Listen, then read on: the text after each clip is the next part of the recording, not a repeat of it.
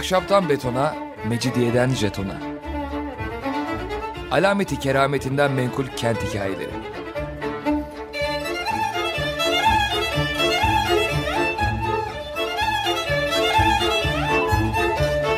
Hazırlayan ve sunan Pınar Erkan.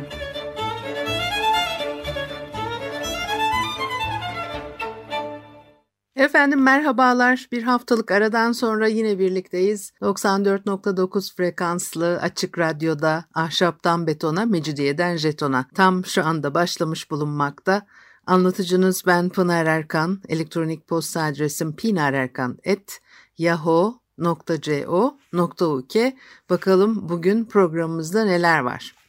Pek de evden dışarı çıkamadığımız günler e, yaşıyoruz biliyorsunuz. Bu korona günlerinde Madem evimizde oturmak zorundayız mümkün olduğu kadar o zaman bizi İstanbul'da biraz Ziya Osman Sabah gezdirsin diye düşündüm ve üstelik de bugün de de gezdirmesin. Daha geçmişe gidelim. Belki 1930'lu 40'lı yıllara gidelim ve Ziya Osman Sabah'ın kaleminden kendi çocukluğuyla ilgili anılarını aktardığı, bizim de değişen İstanbul'u anlamamızı sağlayan anılarını ve onlar içerisinde geçen İstanbul'un manzaralarını biraz görelim diye düşündüm. Misafirlikleri özellikle anlatıyor, çok güzel anlatıyor. O misafirliklere önce annem, daha sonraları yalnız anneannemle ya sık sık günü birliğine ya daha seyrek gece yatısına giderdik. O misafirlikler ya bizden daha zengin daha yüksek mevkilerdeki akrabalarımıza, ahbaplarımıza, konaklara, köşklere, yalılara veya bizden daha fakir oldukları besbelli tanıdıklara, tozlu bir sokak geçildikten sonra, yol üstü eski, kafesli, ahşap bir eve yapılırdı. O misafirlikleri ya eski kim bilir hangi bir İstanbul kışının soğuğunda veya yazının sıcağında tozunda yapılmış. Ya tren, ya vapur, ya araba veya sadece anneannemin elimden sımsıkı tutan elinin verdiği güvenle yaya gidilmiş olarak hatırlıyorum. Benim için o misafirlikler yol icabı binilecek vapur, tren, en iyisi ikisi birden yahut bir araba gezintisinden, böylelikle az daha keşfedilecek bir İstanbul'un yeni yeni manzaralarından başka varılacak yerlerde beni bekleyen çeşit çeşit eğlencelerdi.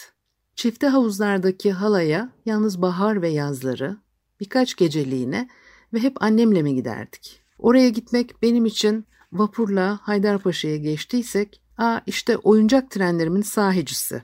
Ama öyle şimdikiler kadar uzun değil. Birkaç büyük vagonlu ama öyle şimdikiler gibi dolu da değil. Tenha ve kibar yolculuğu, en uçta Penceresinden makinistinin biraz sonra taşıyacağı yolcuları sanki görüp tanımak ister gibi güler yüzle eğildiği küçük, şirin hem de sabırsız lokomotifli bir tren. Saati gelince birkaç kere çalan kampana, öttürülen bir boru. Nihayet o biraz kara ama güler yüzlü makinistin içeri çekilmesiyle lokomotifimizin arka arkaya koy verdiği birkaç sevinç çığlığının akisleri dinmeden sarsılan vagonumuzla başlayan yolculuk demekti. Benim yüzümden o vagonun kırmızı kadife kanepelerinden hep sağdakiler tercih edilirdi. Ben yolumuz üzerindeki bir köşkün bahçesinde bulunan upuzun zürafa heykelini görecektim. Kızıl Toprak istasyonundan sonra büsbütün dikkat kesilirdim. Çünkü sık çamlar arasından uzun, beyaz boynunu bana kaç kere uzatmış o zürafa, bir zamanlar Kızıl Toprak istasyonundan sonraki bir köşkün bahçesindeydi. Vagonumuzun camlarında güzel bir ay yıldız.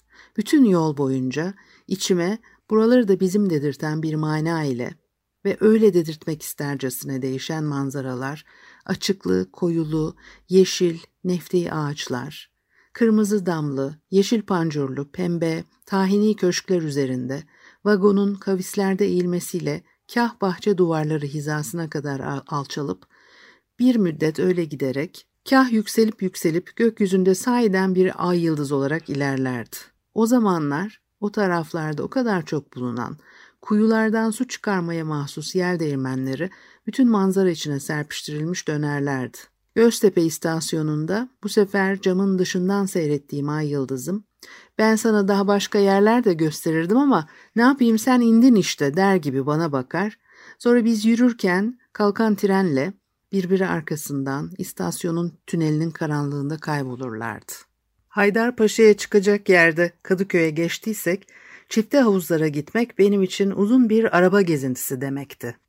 İskele başında bekleyen arabalar arasında elbette ki çift atlı faytonlar da vardı ama ben kendimi hep yine o zamanların bayram salıncaklarına benzeyen tek atlı arabalardan birinin, hepsine de ayrı ayrı özenilerek hayvanına varıncaya kadar türlü türlü bezenmiş, parlak boyalı, renk renk perdeli, minik kapılı, yüksek basamaklı bir talikanın diz dize, yüz yüze, hatta burun buruna samimiyeti içinde hatırlıyorum. Hafif sarsıntılarla sarsılarak, sık sık hoplayarak, durmadan dönen tekerleklerine karışan bir teviye nal sesleri arasında altımızdan akan kaldırımlarla giderdik.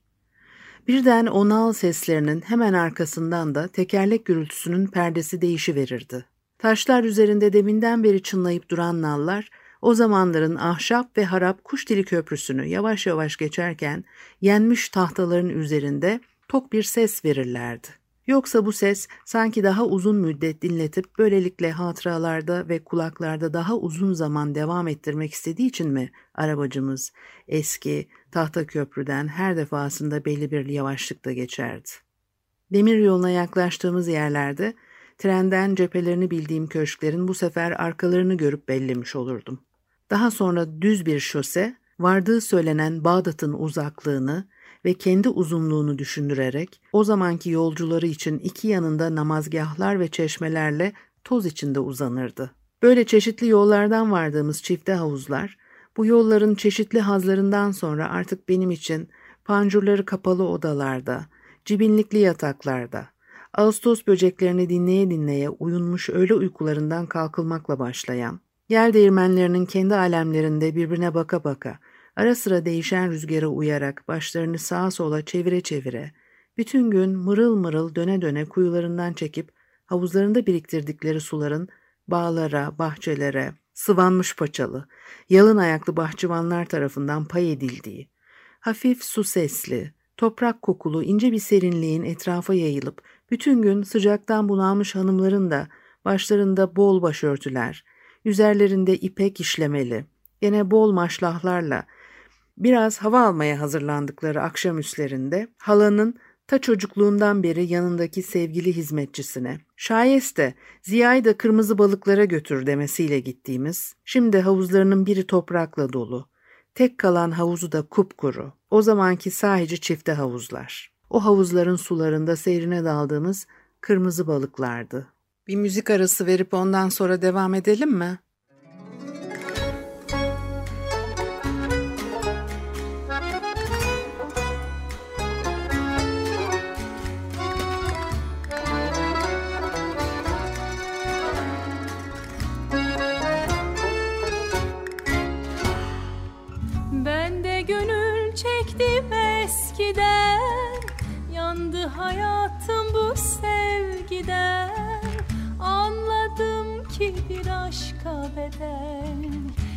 Gençliğimmiş elimden giden.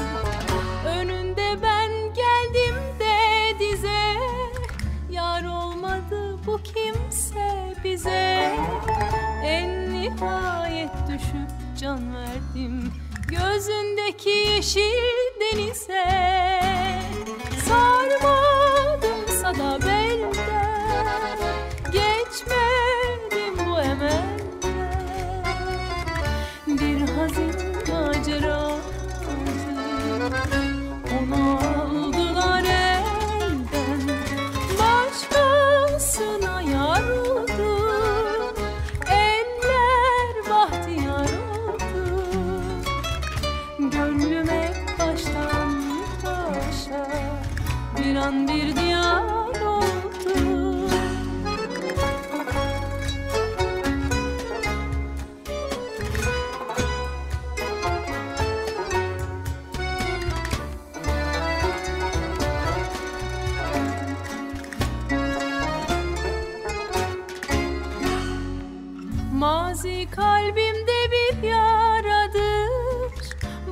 Saçlarımdan karadır. Beni zaman zaman ağlatan İşte bu hazin hatıradır. Ne göğsünde uyuttu beni seyle avuttu beni. Geçti ardından uzun yıllar. O kadın da unuttu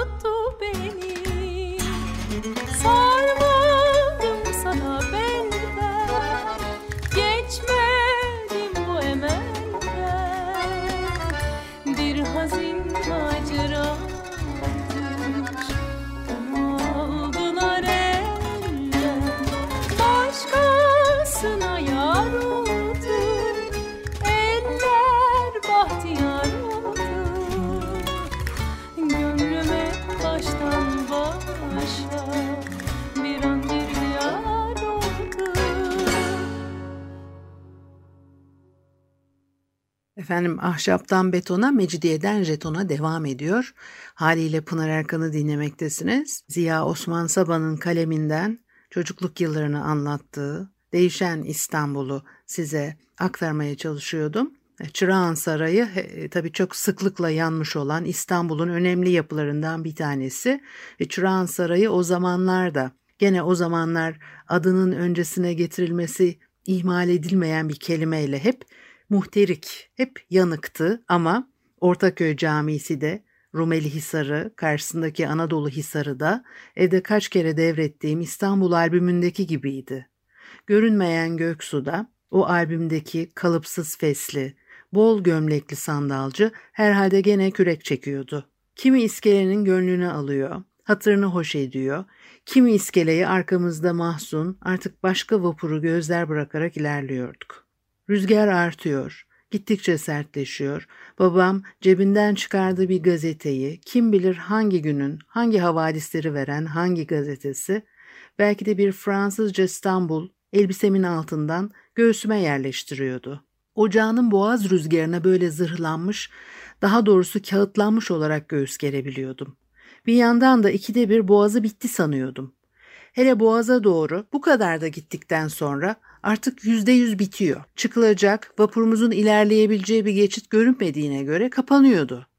Sonradan birçok arkadaşımın çocukluklarında bu hisse kapıldıklarını, Servi burnunun arkasından Sütlüce'nin Büyükdere koyuna doğru uzanmasıyla göremedikleri deniz yüzünden boğazı da bitti sandıklarını kendilerinden öğrendim. Bu zanlarıyla bilmem onlar da babalarını güldürmüşler miydi? Benimki ısrarım hatta inadım artık gözlerime de inanmayacaksam karşısında kahkahayı basıyordu. Ama o zamanlar hep babaların dediği çıkıyor. Vapurun bir dönüşüyle sanki üçüncü bir boğazda üstümüzdeki kalın yelken bezinden tenteyi tahtasına birden şiddetle çarptıran daha da sertleşmiş rüzgarı hırçınlaşmış deniziyle meydana çıkıyordu. Karaya nihayet yeni mahalle iskelesinde ayak basıyorduk. Ama benim ayaklarım birbirine karışıyordu.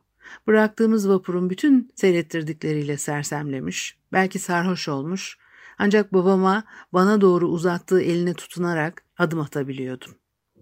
Şimdi yeni mahalleden Fırıldak Bahçesi'ne doğru yürürken Beşiktaş'taki yalının üstlerine kapıyı vurup çıktığım kuşlarla dolu yan bahçesi onların sesleri ne kadar uzakta, uzaklarda kalıyordu.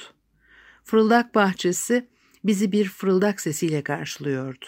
O fırıldaklar bir kısmı oldukları gibi, bir kısmı tahtadan oyuncak teyyarelerin pervaneleri halinde, ağaçlara, direklerin tepesine çivilenmiş, boğazın dinmeyen rüzgarına karşı durmadan dönerler fırıldarlardı. Bahçede oturacağımız kadar oturduktan sonra fırıldak seslerini de gerimizde, peşimizde bırakarak Rumeli kavağına doğru yürürdük. Bir yanı yamaç halinde tepelere çıkan, bir yanı yar halinde denize inen, o büyük ada, tur yoluna benzer yolda babam keyiflenir, aşka gelir, nihayet bir şarkı yaşadığı şehirde tek başına veya o günkü gibi yanı başında oğluyla yaptığı bütün gezintilerden sonra zaten edindiği ve bu son gezintimizle içinde daha kuvvetlenmiş bulup bana da bir an önce bildirmek istediği kanaatiyle kelimelerinde hülasa ediveren bir şarkı dudaklarından dökülürdü. Var başka hayat. Çocukluğumun gezintileri Yalnız arabalarla uzun uzun çıkılabilen Çamlıca Fener Yolu istasyonundan bugün de eski yerindeki tek hatta sapıp vagon pencerelerinden taşan umumi sevince katılmak isteyen lokomotifçimizin hemen hemen arasız öttürdüğü düdüklerle, düdük öttüre öttüre sevine sevine varılan Fenerbahçe mesireleriydi. O gezintiler nihayet ulaştığımız Çamlıca Tepesi'nde arabacımız atlarının terini onları bir yandan da okşar gibi kurularken bizlerin arabadan inmiş kır çiçekleri arasındaki kısa bir koşuşma sonunda bu uzun yolculuğun daha doğrusu eski bir kelime kullanmama izin verilirse Üruc'un mükafatı olarak hepimize birden ayağın veren manzara uzaktan meğer nasıl altın tozundan bir sis içinde uzanıp giden İstanbul, bir altın şehir, başımızı sağa döndürünce hep mavi bir nehir, üzerinde oyuncak bir şilep, kıyılarının birinde bir hisar minyatürü, küçülmüşlüğüne bakmadan karşıdan karşıya bir karınca sabrıyla gene de geçmeye uğraşan minik bir şirket vapuruydu. O gezintiler tek hattın, şimdiki Fenerbahçe plajına bakan sette sona ermesiyle ne de çabuk bitiveren o sevinçli, çığlıklı tren yolculuğundan sonra vagonların yüksekte kalan basamaklarından pat pat atlayarak ayak bastığımız, arkamızdan elleri kolları sepet seccade, şu bu dolu kadınların hareket kabiliyetsizliği içinde ancak savurabildikleri koşmayın düşersiniz tehditlerine, diz kapaklarımızı bulan otların arasına gizlenmiş, bacaklarımızı iğneleyen dikenlerin bütün karşı koymalarına rağmen kısa zamanda günümüzden bir örnek istenirse mesela çıkarma yapan bir komando birliği halinde süratle istilaya muvaffak olduğumuz Fenerbahçe Yarımadası. O bahçenin ucundaki kartpostallarını, tablolarını o kadar gördükten sonra nihayet kendini seyretmek nasip olan Fener'di. Bu Fener'in bir eşi, şükür artık karşımızdakinin bu kadar benzeri, aynı boy, aynı endamda, belki de ikiz kardeşi Yeşilköy'de daha da küçükken orada kaldığımız zamanlar haydi Fener kadar yürüyelim teşvikiyle hemen her akşamüstü gittiğimiz Yeşil Yalılar kenarında da vardı. Yeşil Çamlıca'da da bütün bir mevsim. O zamanlar oraların bütün o yeşillikleri arasında aşı boyalı bir gelincik gibi bembeyaz, yeni boyalı bir zambak gibi yahut hiç boyanmamış veya sonradan boyası dökülmüş. Doğrudan doğruya tahta köşklerin birinde kalmıştık. Bizim oturduğumuz bu üçüncü çeşittendi ve bu tahta rengiyle güya eski ağaç halinden de bir şey saklamıştı. Bazı ağaçlardan çocukken o kadar tuhafıma giden, küçük parmaklarımla kaç kere yokladığım zamklar sızdığı gibi bu evin de boyasız kaplamalarında yer yer zamklar beliriyordu. Hele öğle güneşiyle kiremitler mi, tahtalar mı kızışıyor, o zamklar mı eriyor, etrafa bir koku, en kısacası ve doğrusu evin öz ağaç kokusu yayılıyordu. Zaten bütün günü ağaçların ya altında ya içlerinden birinin dalında geçirdikten sonra gece o ev bizleri artık yatırmak üzere odalarına taksim edip kendisi gün doğuncaya kadar çıtır çıtır o tahta çıtırtıyla çıtırdamıyor muydu? Ağaçlarla mı konuşuyordu? Bütün gün güneşten yanmış, şimdi ay ışığında serinliyor, bir rahat nefes mi alıyordu?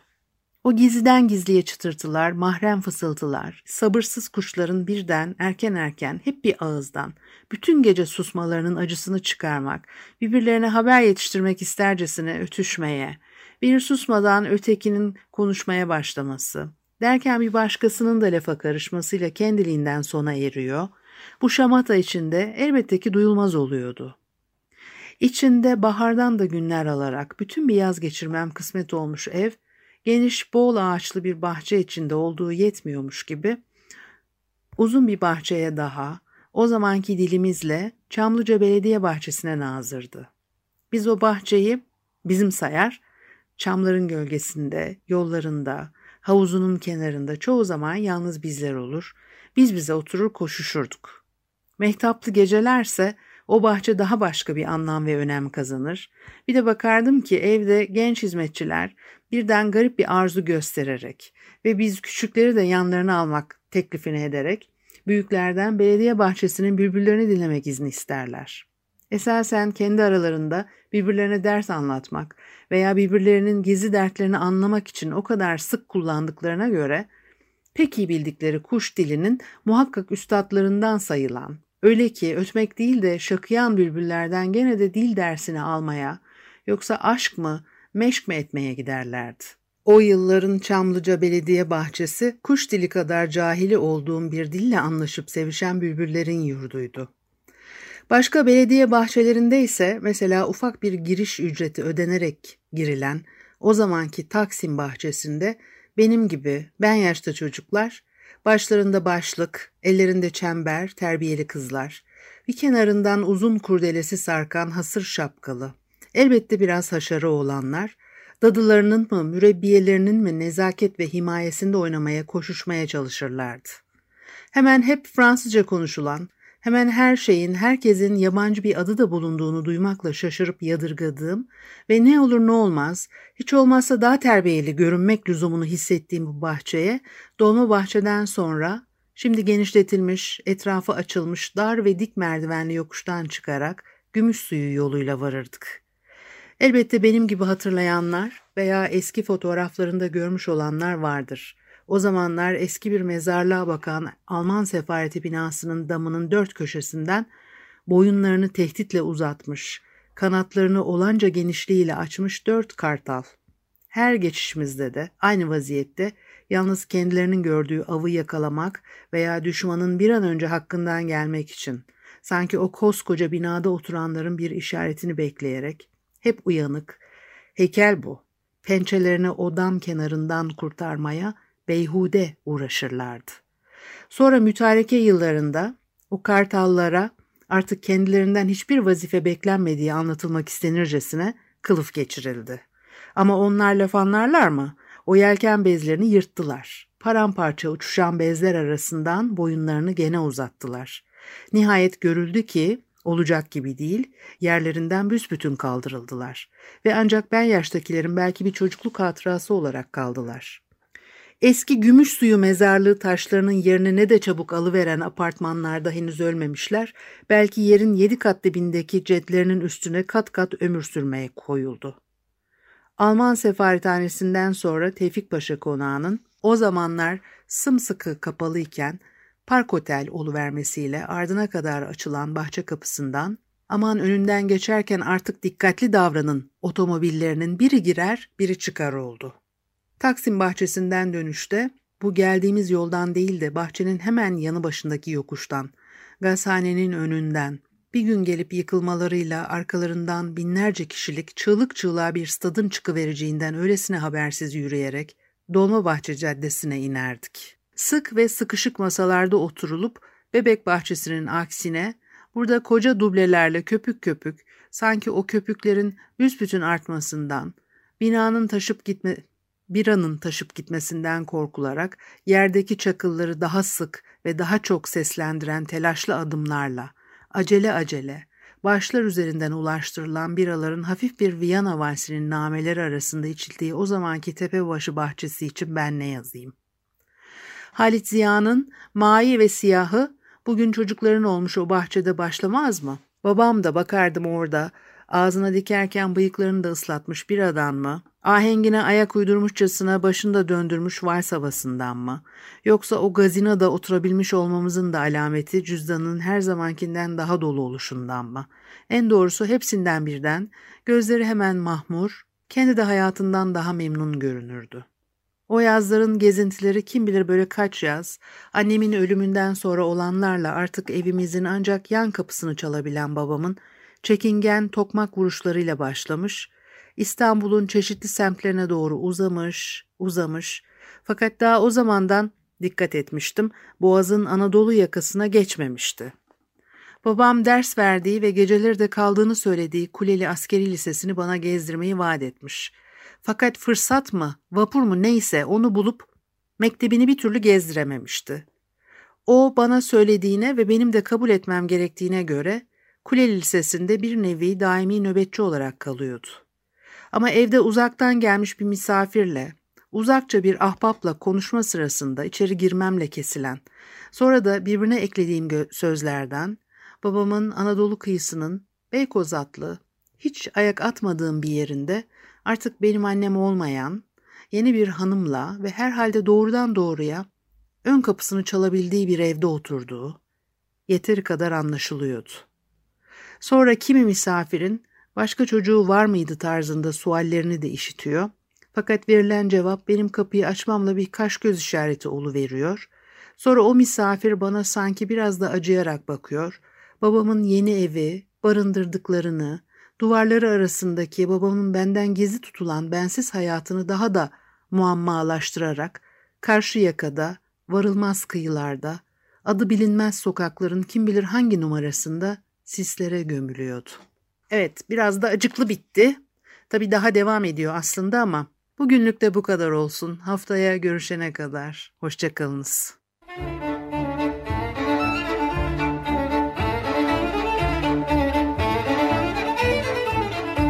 Ahşaptan betona, mecidiyeden jetona. Alameti kerametinden menkul kent hikayeleri.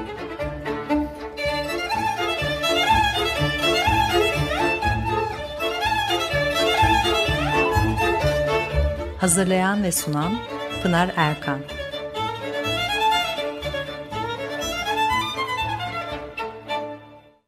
Açık Radyo program destekçisi olun. Bir veya daha fazla programa destek olmak için 212 alan koduyla 343 41 41